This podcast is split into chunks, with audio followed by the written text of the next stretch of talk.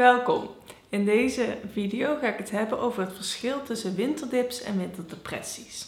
Want ik denk echt dat het wel belangrijk is om te begrijpen.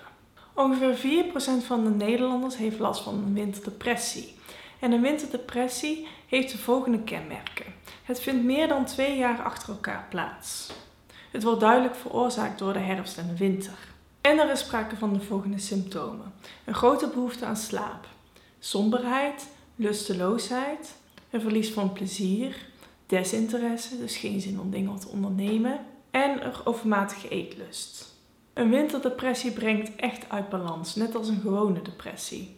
Het is echt veel moeilijker om je dagelijks leven te vol te houden, bijvoorbeeld om te gaan werken of om het huishouden te doen. Een veel grotere groep, ongeveer een kwart van de Nederlanders, is wel gevoelig voor de winter en heeft ook last van klachten, maar deze klachten zijn minder erg, maar nog steeds wel erg vervelend. Het gaat dan meestal om een sombere stemming, te veel slapen, soms juist slecht slapen, geen zin om dingen te ondernemen, dus die uh, energieloosheid en die lusteloosheid, en soms ook te veel willen eten. Nog belangrijker dan het verschil tussen deze symptomen vind ik de vraag: ben jij nog in staat om er wat aan te doen? Kan jij je dagelijks leven nog leiden tijdens de winter?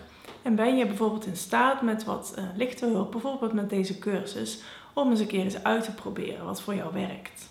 En dat hoeft echt niet allemaal vanzelf te gaan of van een leien dakje te gaan. Maar bij een echte winterdepressie is er vaak meer hulp nodig, omdat de depressie gewoon te zwaar is. Nou, wat heb je nu nodig om iets aan die winterdip te doen? En wat helpt er? Ten eerste zeg ik kennis. En dat wil ik je natuurlijk meer dan genoeg overdragen in deze cursus. Het tweede is support.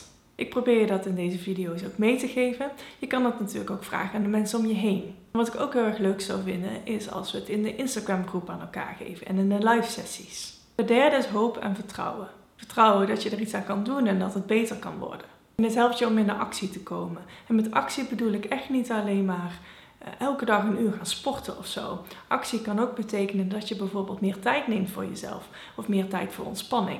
En dat ligt er heel erg aan wat voor jou belangrijk is. In ieder geval wil ik je deze drie dingen in de cursus meegeven.